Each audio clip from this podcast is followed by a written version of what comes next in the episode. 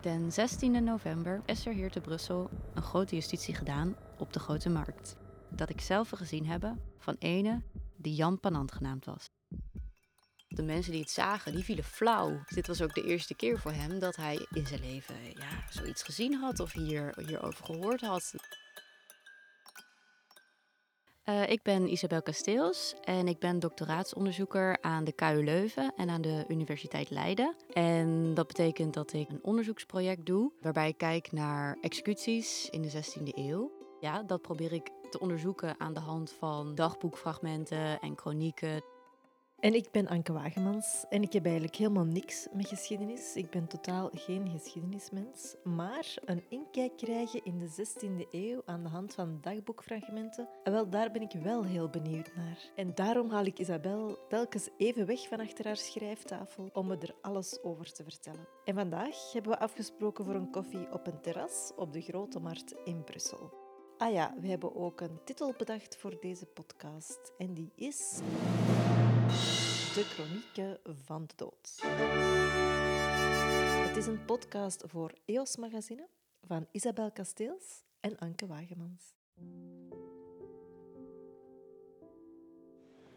Zeg Isabella, welk verhaal ben je nu aan het schrijven? Nee, ik ben bezig met uh, de executie van uh, Jan Panant. Die werd in 1564 hier op de Grote Markt uh, geëxecuteerd. Oké. En dat wordt beschreven door de chroniekschrijver Jan de Potteren. Oké, twee uh, Jannen. ja, toevallig. Twee Jannen uit, uh, uit Brussel. Ja. ja. Moeten we ze kennen? Zijn het bekende mensen of gewone mensen? Eigenlijk ja, vrij gewone mensen. Uh, over Jan Penant weet ik verder niet zoveel, behalve wat ik er in de chroniek over gelezen heb. En over Jan de Potteren weten we, weten we iets meer. namelijk ja, wat hij zelf vertelt in zijn eigen chroniek. Zijn het leuke dagboekfragmenten of leuke of interessante dagboekfragmenten om te lezen? Ja, leuk zeker niet, uh, maar inderdaad wel heel interessant. Ja. Um, ja, want zeker in dit geval, Jan de Potteren die schrijft heel gedetailleerd over deze executie. Geeft echt veel details over wat hij ziet. En hij heeft het ook over hoe de toeschouwers erop reageren. Dus wat mensen ervan vonden en hoe er naar gekeken werd. En dat vind ik als onderzoeker wel heel interessant, want daar weten we eigenlijk niet zo heel veel over. En ja, het is ook best wel moeilijk om daar informatie over te vinden. Dus vandaar dat ik dit wel een heel uh, ja, leuk uh, verhaal vind eigenlijk. Oké, okay, je gaat er ook uit voorlezen, hè, strakjes? Ja, ik kan wel een stukje voorlezen, ja. Oké, okay, dat is kei tof. Zeg, uh, 1564, hè, zei je. Uh, wat voor een tijd was dat? Ja, het was wel een, een, een, moeilijke tijd eigenlijk. Vrij chaotisch. Er waren veel spanningen in de samenleving. Hè? Religieuze spanningen, politieke spanningen. Het is eigenlijk vlak voor de periode die ja, historici nu de Nederlandse opstand uh, noemen. Wat eigenlijk ja, haast een burgeroorlog werd in de tweede helft van de 16e eeuw. Uh, nou ja, zover was het in 1564 nog niet. Maar er was ook net eigenlijk uh, in die periode een hongersnood. De oogst was mislukt. Oei, dus er was ook ja. veel ja, honger en armoede in de samenleving. Ja, ja klinkt um, niet zo ehm, prettig. Nee. nee, het was niet zo'n leuke periode, denk nee. ik. Oké, okay, ik ben wel heel benieuwd naar al je verhalen. Maar misschien even beginnen bij het begin. Wie was Jan Panant en wat weet je over hem? Eigenlijk weet ik maar heel weinig over uh, die misdadiger zelf. Behalve wat we weten uh, uit het verhaal van de chroniekschrijver. Die vertelt namelijk wel gedetailleerd wat ja, hij gedaan heeft, waarvoor hij veroordeeld is. En ik heb ook even gezocht in de rekeningen eigenlijk van uh, de Beul. Want die hield dat allemaal bij. Hè? Nou ja, hij kreeg uh, ja, onkostenvergoeding eigenlijk voor het materiaal uh, dat er gebruikt werd. Bijvoorbeeld als hij hout of stro moest aankopen voor een verbranding, dan ja, kon hij dat declareren. Of kettingen of hè, dat, soort, uh, dat soort materiaal, ander soort gereedschap. Dat de zakken waarin mensen verdronken werden, dat die dan in de rekeningen eigenlijk terugkomen. Oké, okay, ja, dat is wel uh, heel concreet. Hè? Ja, het, is wel heel, het komt wel heel dichtbij op die manier. Ja. Dat je zo heel, op een heel praktische manier eigenlijk ja, daar zo uh, mee in aanraking komt. De beul was ook verantwoordelijk voor het verhoor onder tortuur. Het, het scherp examen werd dat genoemd, dus dat deed de beul ook. Dus dat vind je ook terug in die rekeningen. Ja. Oh ja, snap ik het dan goed? Dat de beul ook degene was die de terechtgestelde ondervraagde? Uh, nou ja, alleen als dat dus onder tortuur gedaan werd. Dus hè, de ondervraging vond plaats door ja, uh, gerechtsofficieren. En dan, ja, als dat op een bepaald moment in het proces dat nodig werd geacht, dat er ook ondervraging onder tortuur plaatsvond, ja, dan werd de beul dus ingeschakeld om ja, die persoon dus te martelen eigenlijk, om een bekentenis uh, los te krijgen. Ja. Oh, dat lijkt me dan toch ook niet helemaal correct, of zie ik dat verkeerd? Dat zouden we nu natuurlijk, uh, zien we dat heel anders en vinden we dat inderdaad niet meer ja, correct, maar dat was toen wel een vast onderdeel eigenlijk van het proces. En waarom deden ze dat op deze manier? Dat had ermee te maken dat de belangrijkste vorm van bewijslast eigenlijk de bekentenis was in het strafsysteem. En dat ging zelfs zo ver van dat als de verdachte niet bekende, er vaak ook eigenlijk geen doodstraf kon worden uitgesproken. Dus ja, als die bekentenis zo belangrijk wordt, dan kun je je wel voorstellen dat er ja, op veel verschillende manieren werd geprobeerd om die bekentenis los te krijgen. Het idee erachter was dus, hè, als je iemand pijnigt op het moment van ondervraging, dan is die persoon ja, zodanig afgeleid door de pijn dat het moeilijker wordt om te liegen. En wat ook wel belangrijk is om te vermelden, is dat een bekentenis die onder tortuur gedaan wordt, in principe op zichzelf staand niet rechtsgeldig was. Dus het was heel belangrijk dat dan de verdachte na afloop van de tortuur, dus zonder pijn of zonder marteling of wat dan ook, zonder zelfs handboeien, het nog een keer herhaalde. dat was dan een soort van ja, mechanisme om ervoor te zorgen dat iemand het niet alleen maar zei uh, in het moment. En wat hij dan zei, nee, ik ben toch onschuldig? Ja, dan kun je je wel voorstellen wat er dan gebeurde misschien. Opnieuw. Ja, werd er weer terug, uh, ja, dat toch geprobeerd, ja. Werden dan niet regelmatig onschuldige mensen terechtgesteld? Ik zou misschien ook wel snel zeggen dat ik het gedaan had om het martelen te stoppen, niet? Nou ja, die verhoring onder tortuur werd ook niet zomaar gedaan. Je kon niet zomaar daaraan worden blootgesteld. Daar waren ook al wel getuigen bijvoorbeeld voor nodig. En dat was ook een heel belangrijk onderdeel van het proces. En was dat dan ook het geval bij Jan Panant? Ja, die werd ook verhoord onder tortuur, want dat heb ik teruggevonden uh, in de rekeningen. En uh, er staat inderdaad bij dat in begin november de beul ja, dat als kost in de rekening opgeeft dat hij die, het scherp examen heeft uitgevoerd. Ja. En in dit geval heeft dat dus ook wel geleid tot een bekentenis. maar wat ik ook in de rekening heb teruggevonden is dat er ook een getuige aanwezig was. Want er wordt ook een uh, onkostenvergoeding uh, betaald aan een bode die de getuige gaat ophalen, zodat die persoon kan zien, hè, die moet dan aangeven van oké, dit is inderdaad de persoon die ik heb gezien. Dan gaan ze die persoon bezoeken in de gevangenis. En die getuige die krijgt ook een soort van onkostenvergoeding voor het verblijf. Dan, uh, hè, wat, ja, die maakt natuurlijk kosten om te overnachten en om te eten, omdat die dan op moet komen draven om te getuigen. En dat vind je ook terug in die rekening, ja. Jan Panant heeft dus bekend, maar voor welke misdaad? Dat staat ook omschreven hè, in die kroniek van Jan de Potteren. De reden waarom was dat Jan Panant bij avond ging daar een oude vrouwe die een rijk huis bewaarde. En hij hadden haar een samarken gemaakt, want een oude kleerkoper was. Die ging hij haar aandoen en de van achter nam hij denzelfde hamer en hij smeet haar van achter op haar hoofd, als dat ze er afsterft. En ook een klein hondeke stak hij dood. En de voorts nam hij de juwelen en de ringen en de zilverwerk en de gouden ketenen dat er was, waard omtrent 2000 gulden. En op een andere plaatse stal hij nog 600 gulden, daar nogthans de lieden thuis waren, ten huize van controleur Boyzot. En de hadden ook willen het kantoor van de nieuwe vaart opbreken, maar het wordt belet, met Henneken uit die bij nachten gaat. En de in de vaste was hij ten huize van Geronimus van Hamme, het smorgen omtrent na acht uren op een zondag, en de ging daar bellen. Hij was daar van kennissen, der oude Maarten, die was thuisbleven. En hij bad haar om te drinken te hebben. En zij ging in de kelder bier tappen. En toen zij den trappen uittrok, nam hij denzelfde hamer en smeet de vrouwen daarmee twee slagen op het hoofd. En voorts ging hij uit een kelder en ging in Geronimus kantoor, daar zijn geld was. En de nam er wel vijf of zesduizend gulden uit, zo men zeide. Want daar geld was dat een koning toebehoorde. Daaruit dat men gewaar worden dat hij het gedaan hadden. Toen liep hij naar Engeland, maar lange daarna wordt hij vandaar hier gebracht. En hij bekende dat hij nog in de zin hadden nog twee rijke personen al zo te beroven die zeer veel geld hadden. Oké, okay. dat is wel heftig hè? Ja, ja heel uh, indringend. Ja. ja, ik blijf het heel interessant vinden, maar het zijn natuurlijk wel hele extreme verhalen die je hoort. En ook, ja, hè, het zijn niet alleen verhalen, dit, dit gaat over echte mensen.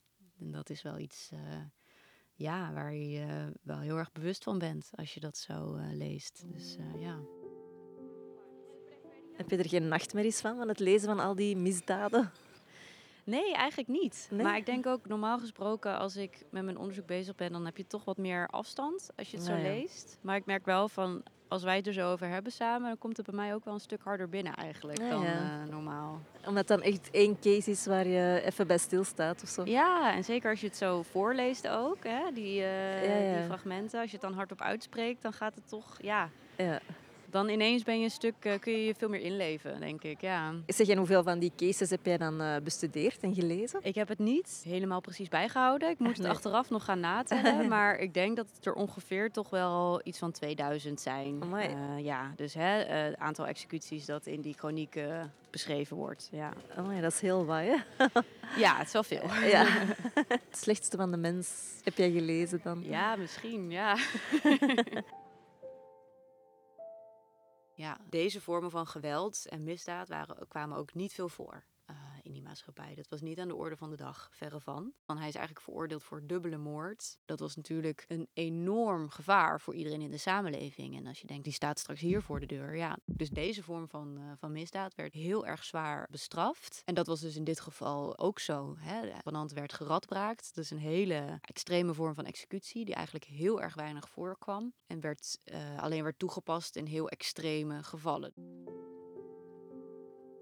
Wat moeten we ons daarbij voorstellen bij dat radbraken? Ja, zal ik het anders gewoon even voorlezen? Want eh, ja, het staat dus wel heel gedetailleerd beschreven in die eh chroniek. Dus eh, het is wel een heel interessant stuk. Die was zijn beide armen en beide benen beneden de knieën met een grotere ijzeren handboom in stukken gesmeten, totdat de benen in stukken gebroken waren.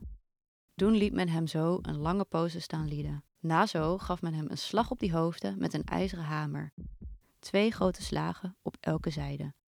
Als dat de hersenen op zijn kaken voorts op de aarde vielen, en nog was hij niet dood. Zo gaf men hem nog twee slagen op dezelfde plaatsen en drie boven op het hoofd. En nog zag hem men lange daarna leven. Oké, maar dat is ehm, wel heftig, hè? Ja, ja heel eh, indringend. Ja, ik blijf het heel interessant vinden, maar het zijn natuurlijk wel hele extreme verhalen die je hoort. En ook, ja, hè, het zijn niet alleen verhalen, dit, dit gaat over echte mensen. En dat is wel iets eh, ja, waar je wel heel erg bewust van bent als je dat zo eh, leest. Dus eh, ja, dus een, echt een heel, ja, een heel gruwelijke en heel ja, intense en extreme vorm van, eh, van een ter dood veroordeling. Absoluut, ja. Ja, inderdaad. Hè, want wij lezen dit nu gewoon in een dagboek. Maar voor die toeschouwers moet het toch ook niet evident geweest zijn om daarop te kijken. Is dat iets waar er over geschreven wordt? Ja, en dat is in dit geval heel interessant, want meestal beschrijven chroniekschrijvers dat eigenlijk niet en weten we daar niet zo heel erg veel over. Maar in dit geval beschrijft dus eh, de chroniekschrijver nou ja, eigenlijk dat de omstanders, hij zegt de mensen die het zagen, die vielen flauw. Want hè, dat, ze, dat ze eigenlijk hier in Brussel nog nooit zo'n strenge justitie gezien hadden. Dus dat dat voor de schrijver zelf en ook voor de mensen die daar waren, was dit ongelooflijk chockerend. Oké, ja, we zullen eens luisteren wat hij hierover schrijft. als doe men diesgelijk nog nooit zulke straffe justitie gezien en heeft. En de dat de lieden flauwe worden die het zagen. Zij hietend radbraken. Ik denk dat dat wel heel belangrijk is ook om te beseffen van dat voor mensen toen, ja, voor ons als je zoiets hoort of leest, is dat natuurlijk heel heftig, heel extreem. Maar voor mensen toen, ja, het was niet alsof die dit gewoon waren. Die vonden dit ook heel, ja, heel chockerend eigenlijk. En dat ze, ja, hè, flauw vielen. En, en die chroniekschrijver die zegt dan ook daarna van, ja, dit heette radbraken. Dus dit was ook de eerste keer voor hem dat hij in zijn leven, ja, zoiets gezien had of hier, hierover gehoord had. En ik denk dat dat ook de reden is waarom hij zo gedetailleerd eigenlijk beschrijft eh, wat hij ziet. Ja, omdat hij daar zelf eigenlijk gewoon heel erg van geschrokken is. Dus het is niet iets wat je, hè, ehm, waar je plezier uit haalt of wat leuk is. Of waarvan je denkt van nou, goed, eh, goed voor hem dat hij, zo, eh, dat hij zoveel pijn aan het lijden is. Ik denk dat het vooral belangrijk was voor mensen, zowel voor de toeschouwers, maar ook voor de rechter en voor de beul. Om altijd ja, compassie of medelijden te hebben met die misdadiger. En als het echt een hele erge misdaad was, dan eh, hoorde daar ook wel een vorm van eh, lijden bij. Maar ja, dat, dat was echt een noodzakelijk kwaad. Ja. Goh, ik kan me bijna niet voorstellen dat dat hier voor onze neus, hier op deze grote markt, zou gebeuren, zo'n executie. Ja, heel raar idee, hè? Ja, echt wel. Hè? En werd er dan een soort podium of zo gebouwd? Of hoe ging dat? Uh, ja, inderdaad. Ja, er werd een schavot uh, gebouwd. En dat werd op en afgebouwd voor iedere afzonderlijke executie, uh, normaal gesproken. Ah. Ja, dus dan uh, moest de stadstimmerman daarvoor komen opdraven. Ah ja, zodat iedereen wist, nu gaat er een executie plaatsvinden dan. Ja, inderdaad. Ja, en ook ja, zodat iedereen het goed zou kunnen zien natuurlijk. Ah ja, ja, tuurlijk. Zeg, en zou jij dat doen, zo gaan kijken naar een executie? Ja, uh, dat is natuurlijk lastig om, uh, om te bedenken. Als ik in de 16e eeuw geboren zou zijn, waarschijnlijk wel. Ja, want iedereen deed dat. Ja, dat Dus hoorde erbij. Dat hoorde erbij, ja. ja. Maar goed, nu, nu kun je het je niet voorstellen. Nee, nee, nee. Zeg eens even terug naar die straf. Hè. Um, hoe werd die strafmaat eigenlijk bepaald? Was daar een logica in terug te vinden? Um, ja, welke straf er precies werd opgelegd en door wie dat dan precies gebeurde, is soms moeilijk te achterhalen. Want dat staat niet bijvoorbeeld in het vonnis en het staat meestal ook niet in de rekening. Want in het vonnis staat meestal alleen Um, of wat we daar dan nu nog van hebben, staat dan zoiets van ja, hè, iemand wordt op de gebruikelijke wijze uh, ter dood veroordeeld, bijvoorbeeld zoiets. Maar ja, dat zegt natuurlijk niet zoveel. En dat was dan heel erg afhankelijk eigenlijk van het gewoonterecht.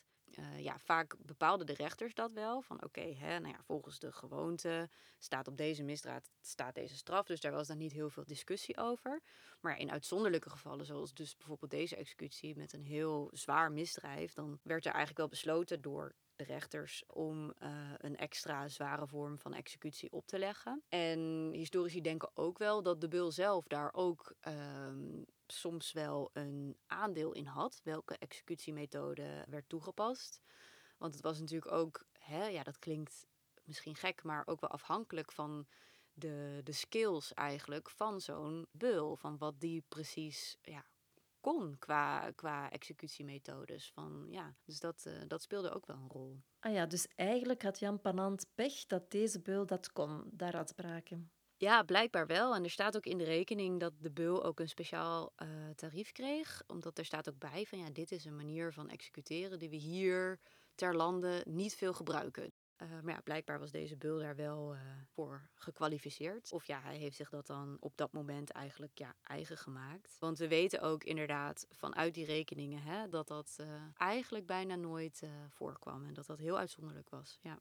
En staat er in die rekening van de beul ook wat hij allemaal nodig had om Jan Panant te kunnen radbraken? Ja, dat uh, staat inderdaad op zijn, uh, op zijn rekeningen. Er wordt uh, hem een bedrag uitbetaald. Nou ja, hè, dus ten eerste omdat het een ongebruikelijke executiemethode was. Dan kreeg hij daar extra voor. En er wordt ook een, ja, een houten kruis wordt, gemaakt. Daar wordt de stadstimmerman voor betaald. Dus dat is een groot, ja, een Sint-Andrieskruis eigenlijk. Dus dat is zo'n dwarsstaand kruis. Daar werd Jan Panant dan op vastgemaakt met ijzeren kettingen.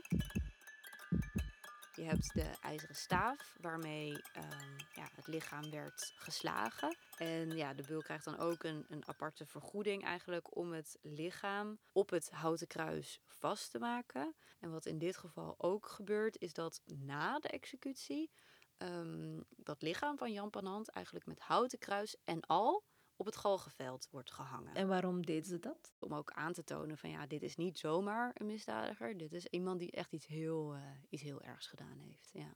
Zeg, en dat galgenveld, was dat in Brussel zelf? Uh, er waren twee galgenvelden in uh, Brussel. En in dit geval werd het naar de uh, Vlotsenberg gebracht. En dat is op de plek waar de huidige wijk Hoogte 100 zich bevindt. Dat was toen dus echt buiten de stad. Tegenwoordig is dat gewoon een wijk, ja die bij Brussel uh, hoort. Het heet ook Hoge Hoogte 100 nu, omdat dat dus effectief een heel hoog gelegen plek is. En hè, galgenvelden werden vaak aangelegd uh, op een heuvel, zodat het uh, van verre al te zien was. En dat was in dit geval dus ook niet anders. Dus um, ja, Zeg, wat vond de gewone mens, de gewone burger eigenlijk van die straffen? Vonden ze die executies terecht? Stonden ze daarachter? Was daar een draagvlak voor? Daar is wel iets over te zeggen. Over het algemeen waren mensen het allemaal wel eens, heb ik het idee, met de doodstraf hè, aan zich. Dus het feit dat er ter doodveroordeling bestond. Er was niet echt discussie over of de doodstraf wel of niet moet worden toegepast. Zoals natuurlijk in de hedendaagse samenleving wel het geval is. Maar er was wel discussie over welke executievorm dan bij welke straf hoorde.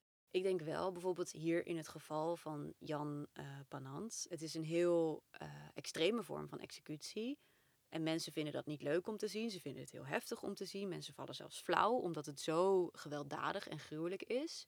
Maar tegelijkertijd, wat die chroniekschrijver ook beschrijft, is de misdaad die deze man begaan heeft, wordt ook echt gezien als zo danig ja, extreem, dat dat wel ja, toch als passend uh, zou kunnen worden gezien. Ondanks het feit hè, dat je als toeschouwer wel vaak medelijden voelt met het slachtoffer en het erg vindt om het te zien en ook denkt van verschrikkelijk. Dan nog waren mensen het er vaak wel mee eens dat het gebeurde. Want de gedachte was nou eenmaal van ja, maar deze persoon heeft iets heel ergs gedaan. Dus dan moet je daar ook op een heel erge manier voor gestraft worden. Ja, nou ja, er zijn natuurlijk ook wel situaties waarin mensen dat dan dus niet vonden. Dat mensen vonden van dit is niet een terechte straf. En hè, dat debat rondom ketterij is daar dan een voorbeeld van. van hè, er staan hele zware doodstraffen op. Daar komt redelijk veel ja, onrust over in de maatschappij. En uiteindelijk neemt dat dus ook af. Omdat mensen dat eigenlijk onrechtvaardig vinden dat daar een zodanig ja, strenge straf uh, op staat. Ah ja, en werd er dan gereageerd tijdens die executie als de mensen het onterecht vonden? Ja, uh, dat kon zeker gebeuren. En er waren eigenlijk verschillende ja, redenen voor. Een eerste reden is als mensen vonden dus dat de beul technisch gezien zijn werk niet uh, goed deed. Dat leidde tot echt veel uh, weerstand onder de toeschouwers, die dan boos werden en ook de beul konden aanvallen zelfs, of bekogelen, of ja, hè, op andere manieren laten merken van, nou ja, dit is niet hoe we het hier uh, doen. En ook in extreme gevallen, als mensen het niet eens waren met de straf die iemand kreeg, werd daar ook wel, ja, werd daar geroepen uh, vanuit het publiek. Of um, er zijn gevallen bekend dat mensen vanuit het publiek gaan proberen om iemand te bevrijden van het schafot. Maar dit zijn wel echt heel uitzonderlijke gevallen. En over het algemeen werd het belangrijk gevonden, ook door de overheid, hè, dat er wel draagvlak was voor het, het, het executiebeleid. En dus als mensen op die manieren in opstand kwamen of lieten blijken uh, vanuit het publiek van hier zijn we het niet mee eens, dan werd het ook wel serieus genomen. Dat is wel wat ik in mijn onderzoek ook wel probeer aan te tonen eigenlijk. Hè, van dat het niet alleen de overheid was die dit op eigen houtje bedacht en eigenlijk oplegde aan het volk of als een soort van ja, onderdrukking of zo dit gebruikte, maar dat er ook vanuit de samenleving zelf veel vraag was naar rechtspraak, naar rechtvaardigheid, naar ja, justitie eigenlijk. En dat die executies daar gewoon een heel ja, concrete uitkomst ook uh, van waren.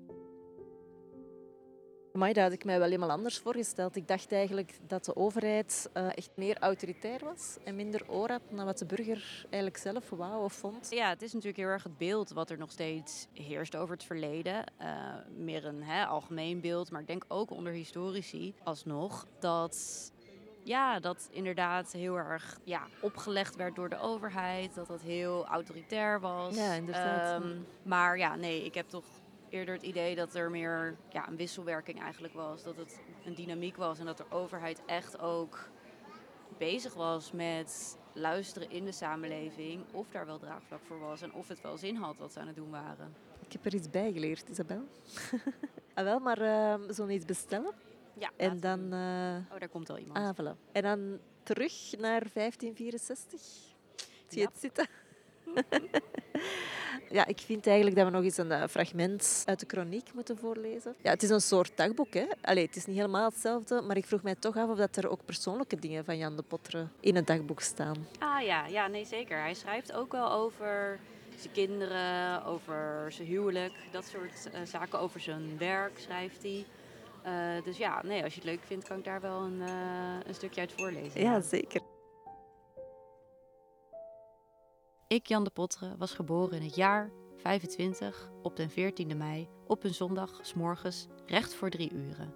In het jaar ons heren 1549, den 12e oktober, zo was ik, met Madelijnken reizend, gezekerd of ondergetrouwd. En de op Sint-Andriesdag, toen trouwden wij. En dat kwam op een zaterdag. En de op een zondag, toen hielden wij ons visten op de eerste dag van den advent. En de doen was ik oud, 24 jaar, en de zij was omtrent 25 jaar oud. Ah, dat is wel schattig, ja. Ja, En is hij van Brussel zelf? ja, hij woont eigenlijk zijn hele leven eh, in Brussel. En hij is koopman, handelaar. Dus eh, ja, dat betekent niet zozeer dat hij zelf eh, op de markt stond eh, dingen te verkopen, maar meer iemand die grote hoeveelheden goederen verhandelde en vaak ook een pakhuis bezat. Ja, hij schrijft daar ook over. Ik kan er ook wel een stukje van, van voorlezen. Kort na mijn vaders dood, omtrent in julio anno 49, begon ik voor mijzelf de komenschap te doen die ons vader gedaan hadden. Ik, Jan de Pottere, ben in het ambacht van de kremers gekomen in het jaar anno 1549. Het wordt ook wel duidelijk uit zijn kroniek dat hij eh, vooral heel erg geïnteresseerd is in zaken die eigenlijk zijn handel kunnen beïnvloeden. Hij heeft het heel erg veel over ja, prijzen. Prijzen van graan, prijzen van wijn, van bier, van vis, van brandstof. Ah ja, dat is, wel, dat is wel tof. Dus jij weet perfect hoeveel wijn en bier en vis en zo kosten in 1564. Ja, dat kun je allemaal inderdaad lezen in zijn kroniek. Ja, hij schrijft daar heel veel over. Hij schrijft in deze vaste van 76, zo waard zo dure leven, want men kost geen vis gekrijgen. Want daar er mocht geen vis komen uit Holland. Want de prinsen van Oranje verboden hadden op haar lijf dat men ons geen vis en zouden mogen brengen, of te zouden mogen handelen. Alzo dat er geen en kwam. En het was dikwijls dat hier niet en kwam uit Vlaanderen. En als het kwam, dan wilden zij een vierendeel kabeljauw verkopen, 22 schellingen. En de een pond zalm, 16 schellingen. En de gezouten zalm, 4 schellingen. En een grote karperen, 10 schellingen. En een pladijs, 4 schellingen. En de elft, 5 schellingen het vierendeel. En de haring, half schelling per stuk. Alzo dat zeer duur was, als er nooit dure vaste geweest en is. En een gelte wijns, 14 schellingen. En een gelte Spaanse wijn, 16 schellingen. En den roenwijn, 10 schellingen. Ik was toch even het radbraken vergeten, Isabel. Ja, ja. Heel even. Ja, ik vond het wel echt heel leuk om eens eh, een duik te nemen in het leven van Jan de Potter en Jan Panant ook wel. Hè, en even naar 1564 te mogen gaan. Dat is echt tof. Ja, fijn. Ja, ik ben blij dat je het leuk vond. Ja, ik vind het zelf ook eh, heel boeiend. Dus eh, altijd leuk als iemand anders dit ook interessant vindt. Ja, Straks maak je nog echt een geschiedenismens van mij, wie, Wie weet. weet. Ja, wie weet. zeg jij nu, was dat er vandaag nog op je planning terug gaan schrijven? inderdaad. Ik ga zomaar weer terug. Ik vind het soms leuker om erover te praten dan eh, om het op te schrijven. Ja, ja.